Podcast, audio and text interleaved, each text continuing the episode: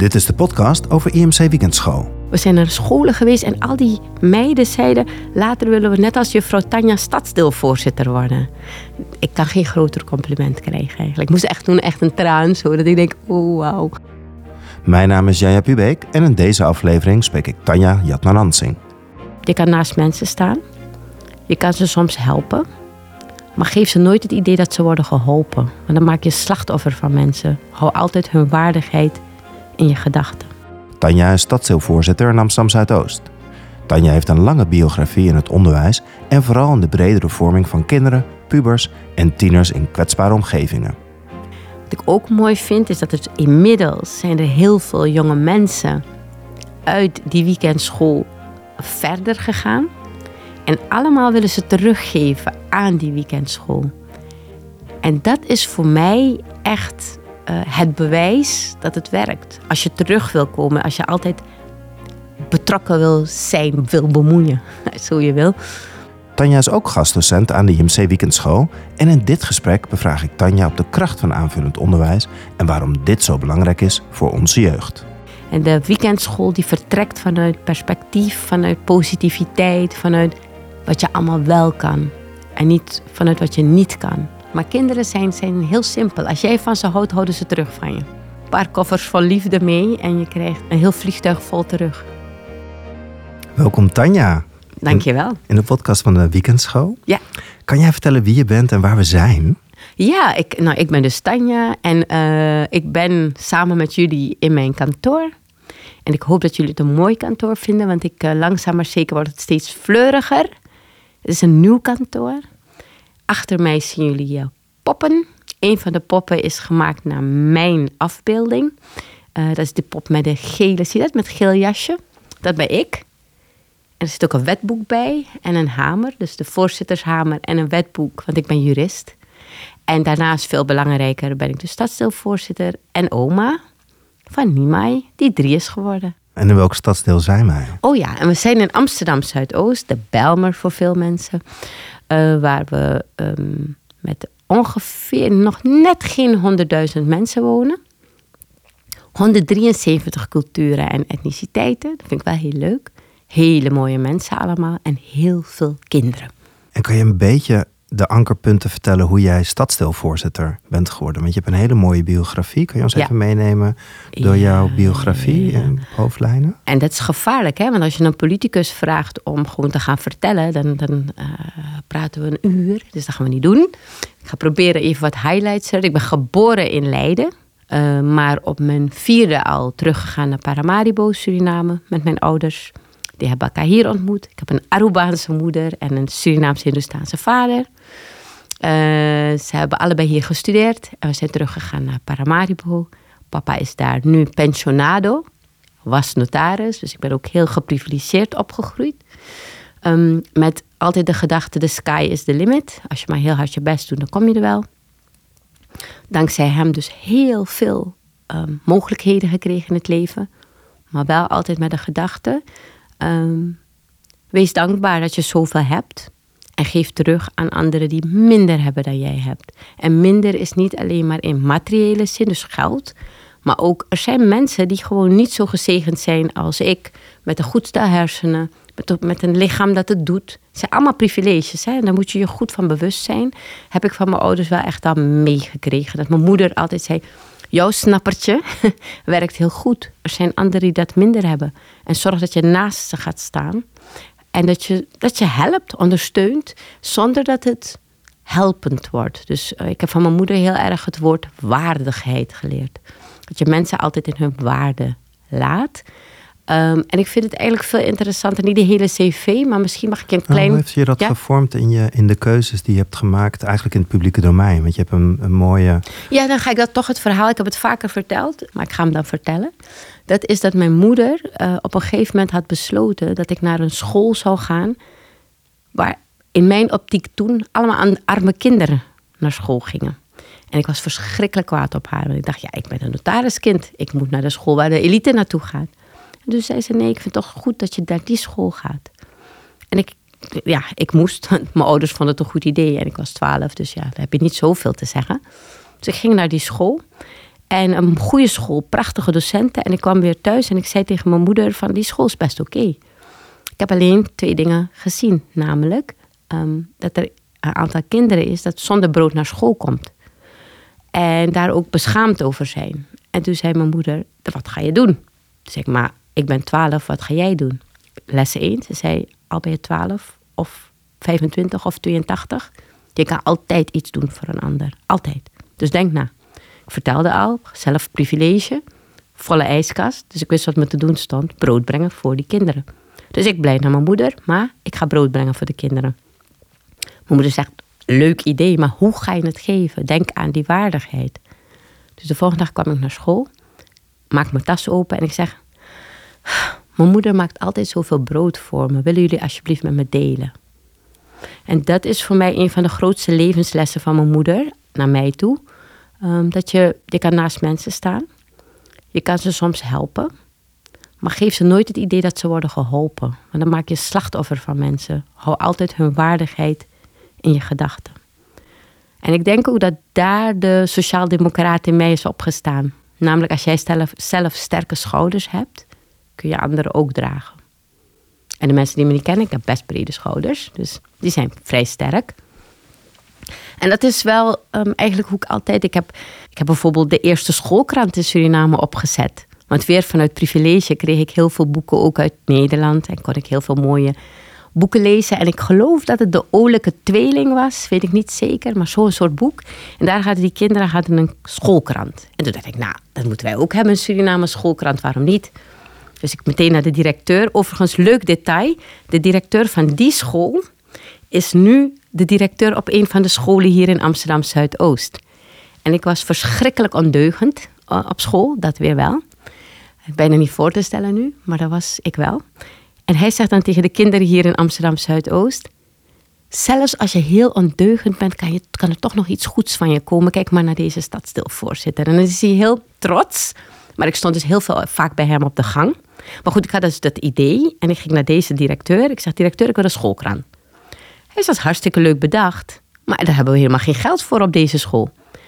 Uh, dus ik weet niet hoe je het gaat doen. Maar je mag. Maar ik heb het geld niet.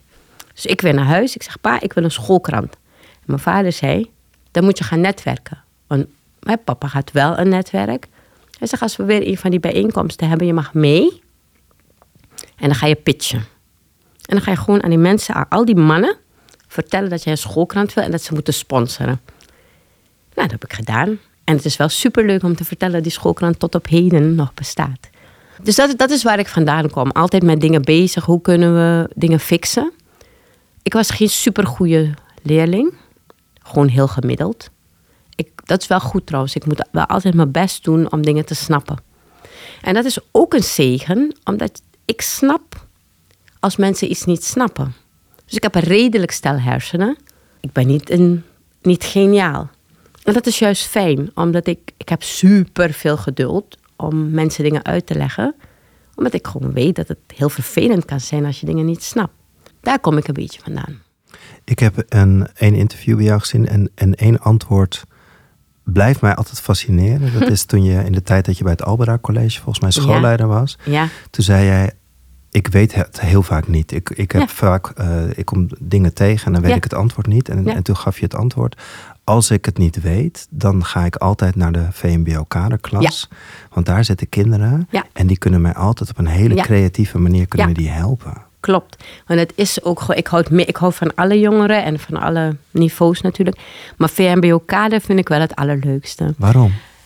In mijn ervaring denken de jongeren van het VMBO-kader heel fris. Heel fris. Op een manier die, die ik niet heb. En dat is geweldig, want je moet niet op zoek gaan naar dat wat je al hebt. Hè. Je moet altijd op zoek gaan naar wat je niet hebt en dan kun je elkaar uh, complementeren. Nou ja, bijvoorbeeld gewoon een geweldig voorbeeld. Een van die jongeren tegen mij zei: Hoe kan het toch dat al die mensen in de Tweede Kamer en overal over ons praten als: Ja, dat zijn de jongeren met de gouden handjes. Want en dan bedoelt men het heel goed, want ze willen deze jongeren natuurlijk een compliment maken: de gouden handjes. En toen zei die jongeren: Weet u, dat is echt beledigend. Want dat betekent dat wij dus niet kunnen nadenken. Maar mevrouw, hoe denkt u dat een tafel wordt gemaakt? Dat die tafel gewoon uit zichzelf uh, daar komt staan? En dat wij maar een beetje timmeren. Wij denken daarover na. Wij maken een tekening. Wij denken daarover na. Nou, dat vind ik zulke mooie voorbeelden van. Ehm, en ik bedoel, ik loop ook heel vaak in, die, eh, val, in een valkuil van academisch en weet ik veel wat allemaal. Ehm, en het zijn dit soort gesprekken die dan helpen. Dat je soms zelfs in al je goede bedoelingen een averechts effect bewerkstelligt. Ja, dus die WBWO-kader, ik vind ze geweldig. Nou, voor mij zit er ook een hele inclusieve gedachte achter. En dat vind hm. ik ook wel, dat is ook wel een uitstraling die ik in ieder geval bij jou ervaar. Hm. Je bent nu stadsdeelvoorzitter. Ja. Er zit een rechtboek achter ons en een voorzitter. Als jij een beetje in, in algemene zin kijkt naar wat is jouw maatschappelijke pedagogische opdracht? Als je kijkt naar de jeugd. Je vertelde net in ons voorgesprek dat je herkend wordt hier op straat. Hè? Als je hier naartoe fietst. Wat, hoe zou jij jouw opdracht naar de jeugd hier, misschien specifiek in Zuidoost, maar hoe zou je die omschrijven? Ja, dat is een hele mooie vraag. En wat er gewoon in me opkomt, dus niet te veel bedacht, maar, maar wat in me opkomt is wat Kamala Harris altijd zegt. Zij zegt, if you can see it, you can be it. Dus soms vind ik gewoon dat mijn bestaan ehm, deze kinderen in Amsterdam Zuidoost laat zien dat, dat, dat zij de Kamer in kunnen. Dat ze stadsdeelvoorzitter kunnen worden. Dat ze bij de publieke omroep kunnen gaan werken. En het is verschrikkelijk leuk, want laatst vertelde een groep mensen was hier op bezoek. En aan het eind van hun bezoek zouden ze mij dan, uh, zou ik met hun in gesprek gaan. En ze kwamen hier, een stuk of veertig mensen van heel Nederland. Een van de leiderschapscursus of weet ik veel. Kwamen ze hier. En ze oh, jij bent Tanja. En ik dacht, nou, is dit voor een celebrity-achtige opmerking? Ik zei, nou ja, ja. Ze zei, ja, we zijn naar scholen geweest. En al die meiden zeiden, later willen we net als juffrouw Tanja stadsdeelvoorzitter worden. Ik kan geen groter compliment krijgen eigenlijk. Ik moest echt doen, echt een traan zo. Dat ik denk, oh wauw. Hoe doe je dat? Hoe, weet je, hoe, hoe ben je zo zichtbaar? Hoe ben je zo'n makkelijk toegankelijk. Ik, ik, ik, bemoei. Ik bemoei overal. Dus soms worden mensen ook misselijk van me. Ze zeggen, heb, heb je haar weer? Maar kijk, ik ben hier stadsdeelvoorzitter geworden puur en alleen voor die kinderen. Dus ik hou intens van ze, intens. Maar ben je bemoeiend of ben je betrokken? Beide. Ik bemoei ook wel echt hoor. Ja? Ik ben ook, dus ik ben heel betrokken. Maar ik bemoei ook. In de zin van, als ik zie dat dingen gewoon niet goed gaan en dan ga ik niet op, op ouders hun stoel zitten, want dat is, dat is niet meer bemoeien, dat is onbeschoft. Maar wel kijken en, en uh, ook wel strenge gesprekken hebben. Ook met ouders. Kijk, we hebben ook een andere kant van Zuidoost. En dat is dat ik hier een heel groot, een te groot percentage kindermishandeling heb. Het meeste van heel Amsterdam. En dat zijn moeilijke gesprekken die we ook moeten voeren. Het is niet alleen hippie-pura. Het is fantastisch, zoveel culturen en etniciteiten bij elkaar. Maar er is ook een andere kant aan het verhaal. En dat is, als je goed wil kijken, een verhaal van stress, soms armoede, soms eenoudergezinnen, soms een combinatie. Um, dus, dus ik bemoei wel. En ik bemoei in de zin van als ik kinderen zie die op school, we noemen het hier in Zuidoost overliggen. Ik weet niet eens of dat een Nederlands woord is. Overliggen is als je heel moe bent, dan ga je zo, zo liggen. Zie, begrijp je dat? Ik weet niet hoe je dat moet noemen. Wat is het Nederlandse woord ervoor? Oké, wij, wij, noemen het in ieder geval overliggen. Overliggen? Overliggen. Dus dan ga je overliggen, ben je heel moe. En je kan in een klas naar een kind kijken en zeggen... potverdorie, die kind is weer aan het overliggen. Wat een vervelend kind. Maar je kunt ook ernaast gaan zitten en zeggen, ben je moe? En hoe komt het dat je moe bent? En dan zegt zo'n kind, ja, gisteravond waren er drie keer, was er drie keer politie voor mijn deur. En dan kan ik denken dat ik al doen alsof ik het niet heb gehoord. Maar dat vind ik niet goed. Dus dan ga ik wel bemoeien. En in eerste instantie met de leerkracht erover praten. En dan met de ouders erover praten. En kijken wie kan, maar niet, nooit beschuldigend. En wel altijd van, waar, we hebben zoveel hulptroepen hulptroepen daarnaast zetten. Dus dat is wel bemoeiend. Niet iedereen stelt dat op prijs. Maar ik denk altijd alleen maar in het belang van het kind. Dus je bent echt een verbindende factor eigenlijk, eigenlijk op alle lagen. Dat wil ik wel zijn. En het lukt me niet altijd. En nogmaals, het werd, wordt je ook niet altijd in dank afgenomen. En toch doe ik het. Hey, 25 jaar geleden is in dit stadsdeel de IMC Weekendschool ja. Eh, begonnen. Ja. Je gaat stralen voor ja, de, ja, ja. Voor de, de luisteraar kan je niet zien, maar je straalt helemaal. Waarom straal je? Omdat ik het, ik vind het fantastisch. Um, omdat de weekendschool, um, eigenlijk waar, waar, ik ten diepste van tot in mijn tenen door, dat doorvoeld heb, is dat we, we moeten kinderen perspectief geven. We moeten ze laten zien wat mogelijk is. En de weekendschool die vertrekt vanuit perspectief, vanuit positiviteit, vanuit wat je allemaal wel kan. En niet vanuit wat je niet kan. Weet je, niet komt niet voor. niet komt niet voor bij IMC weekendschool zoals ik al vele jaren de weekendschool ken. En dat, ja, ik vind dat zelf fantastisch. En wat ik ook mooi vind, is dat er inmiddels zijn er heel veel jonge mensen uit die weekendschool verder gegaan. En allemaal willen ze teruggeven aan die weekendschool. En dat is voor mij echt uh, het bewijs dat het werkt. Als je terug wil komen, als je altijd betrokken wil zijn, wil bemoeien, zo je wil. Dat is voor mij. Want kijk, iedereen kan wel roepen: oh, wat fantastisch en we doen het zo goed en bla bla bla.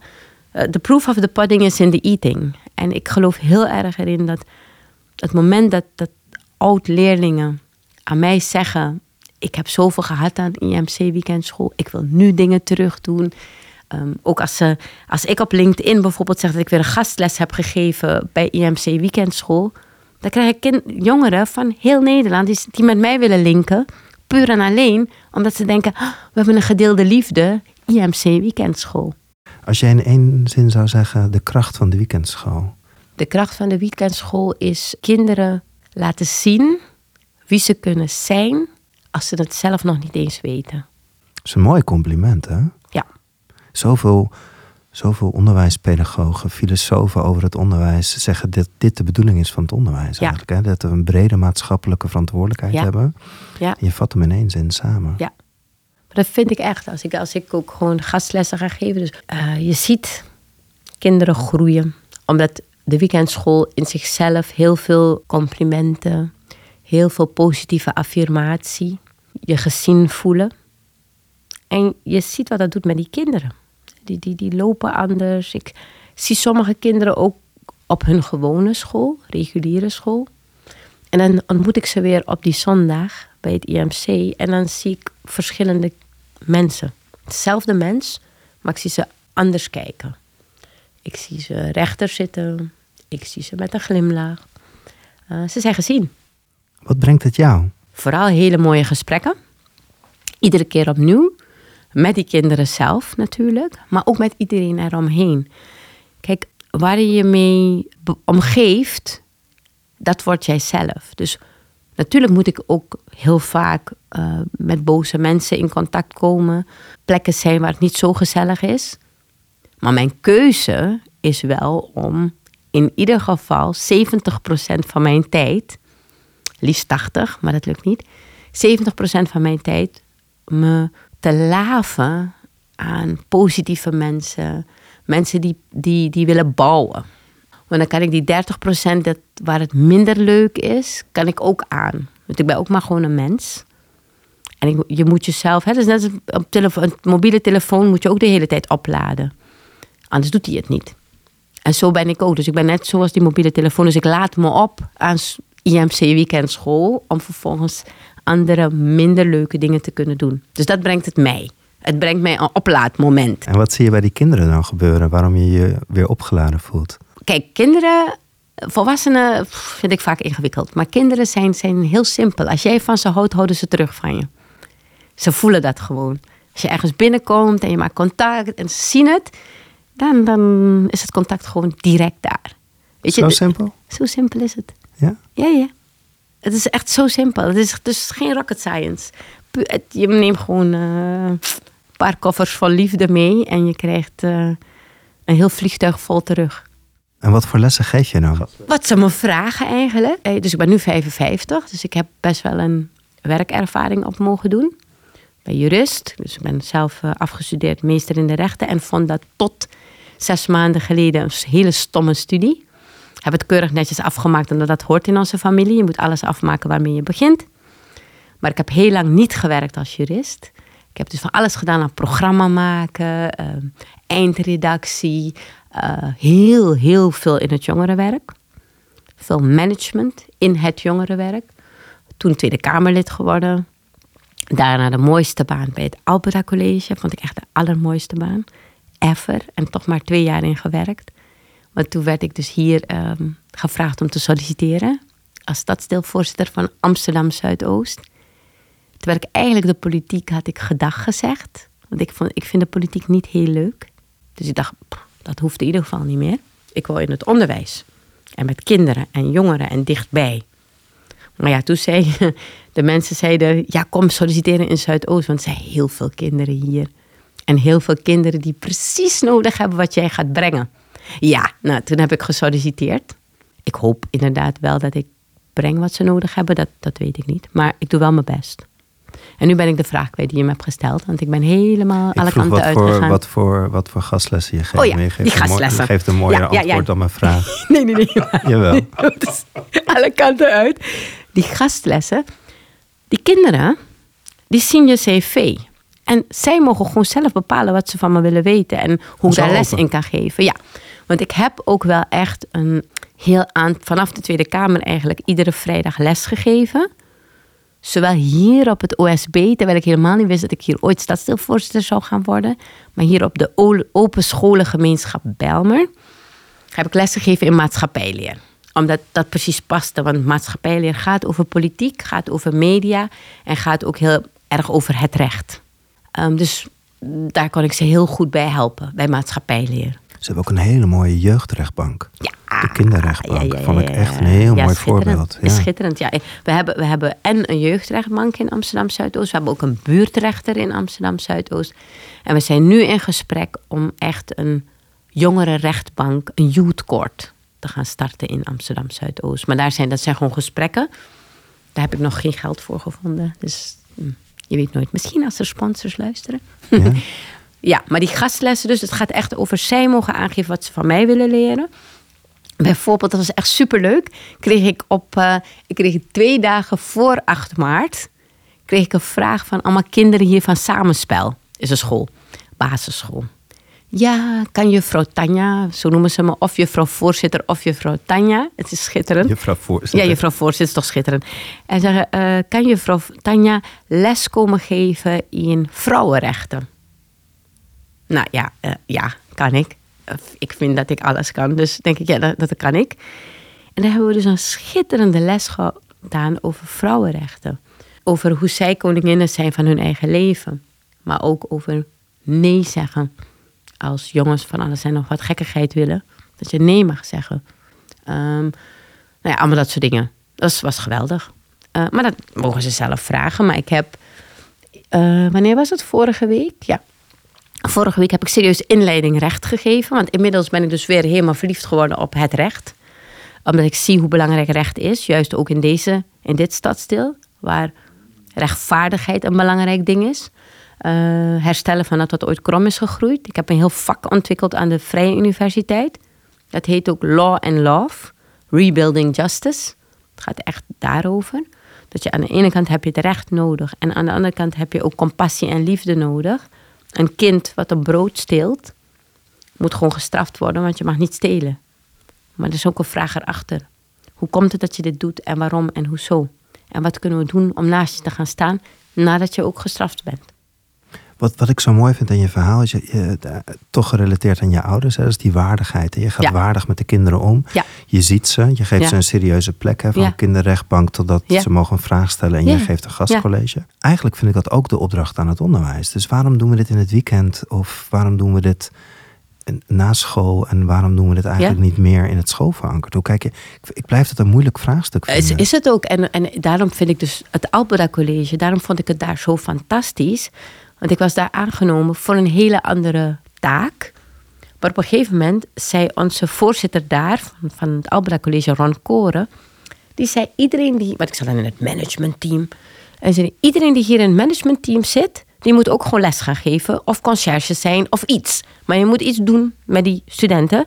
Anders, hoe, hoe maken jullie in godsnaam hier beleid? En, en, en ideeën en noem maar op. Dat kan maar niet. Dus iedereen moest verplicht nou, sommigen vonden het leuk, anderen dachten, nou ja, wat zit voor gekkigheid? Nou, ik vond het super. Dus ik ben gastlessen gaan geven. Maar nu komt het, ik ben les gaan geven in, eigenlijk, wij noemden die lessen leiderschapslessen. Propvol, eh, eh, helemaal overtekend. En wat leerde ik de jongeren? Gewoon even de exercitie van wie ben ik, wat kan ik en waar ga ik naartoe. Binnen die lessen gaf ik ze ook gewoon maatschappijleer. Gaf ik ze allemaal dingen die ze eigenlijk heel saai vonden. Maar via een andere noemer, leiderschap. En ineens vonden die kinderen lessen heel. Studenten, het waren niet eens kinderen hoor. Het waren studenten al, echt 18-jarigen. Maar ze zeiden, als we het zo krijgen, vinden we het wel leuk. Willen we er wel naartoe. Dus dat is heel erg wat jij ook terecht zegt. Wij geven les op een manier die helemaal niet aansluit bij die, bij die studenten. In mijn les zei ik altijd, zodat ze binnenkwamen, alle mobiele telefoons op tafel. En dan je zo, hè? alle mobiele telefoons op tafel. U bedoelt in onze tas? Nee, op tafel. Je hebt het nodig. Ik ga, ik ga je allemaal dingen laten uitzoeken, opzoeken, overzoeken. En ik zei, en bovendien, ik weet hoe jullie zijn. Als je een anderhalf uur naar mij moet luisteren... en die telefoon, misschien krijg je apps, ga je stress krijgen. Want je gaat denken, hoe zijn die apps? Weet je, wie appt me nu? Dus je mag af en toe, gewoon om, de, om het kwartier... mag je drie minuten op je app kijken... om te kijken welke apps je binnen hebt gekregen. En dan gaan we weer door. En iedereen werd rustig. Want ze zei, oké, deze vrouw snapt ons dat. Is het meesterschap, is het meesterschap, is het leiderschap wat we in het onderwijs nog te doen hebben en wat je dan ziet, wat dan in zo'n weekendschool tot op zijn plek komt? Is dat het? De inspiratie, het uitnodigen om in te stappen, aansluiten bij intrinsieke motivatie? Ja, het is aansluiten. Het is, het is vooral gewoon mensen willen zien. Of nou oudjes, jongen, jonger, dat weet ik veel. Wie dan ook. Primair eerst mensen zien. En dan gaan we leren. Want je kunt, je kunt pas tot leren komen als je een connectie met elkaar hebt. En dat heb ik niet bedacht. Dat was een prachtige TED-talk van een fantastische vrouw, Rita Pearson. Mhm. En Rita Pearson die zegt... Every child needs a champion. Elk kind heeft een kampioen nodig. Iemand die gewoon voor hem of haar gaat staan. En in haar uh, speech zegt ze ook als, als zij dus een klas binnenkomt, dan zegt ze aan de klas: Jullie zijn de beste klas. En weet je waarom? Want ik ben de beste docent. En dus zijn jullie gewoon de gekozenen, de uitverkorenen. Want jullie hebben mij. Dus we gaan vanaf nu gaan we anders zitten. Dus zitten jullie maar allemaal rechtop. We gaan anders zitten, we gaan anders lopen. We gaan anders uit onze ogen kijken. En dan pas gaat ze ze aan het leren brengen. Nou, ik vind het echt, zij is een van mijn heldinnen. Ik kijk die TED-talk echt volgens mij één keer in de week of zo. Want ik vind het zo mooi. Want daar gaat het uiteindelijk over. Ze zegt, je kunt geen les geven als je geen connectie hebt met mensen. Hoe ga je dat in vredesnaam doen? Dat ik, ja, dat is het, connectie. En dat doe ik ook gewoon hier in, in het stadsdeel voordat we uh, vergaderingen hebben. We hebben altijd mensen die komen inspreken. En die zijn altijd per definitie boos. Anders kom ik niet inspreken. En ook dus ook op mij, op het beleid. En ik kan het beleid niet leuker maken. Ik moet gewoon uitvoeren. Dat is mijn taak. Maar gewoon door, als we binnenkomen, mensen te groeten, hand te geven. Welkom in ons stadsdeelkantoor. Ik weet dat u boos op me bent, maar toch welkom. Mm Contact.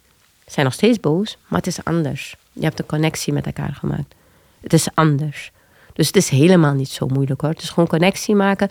En natuurlijk uiteindelijk, ik bedoel wat heel veel docenten kunnen, wat ik niet kan, is zij hebben gewoon hun vakkennis en hun vakinhoud.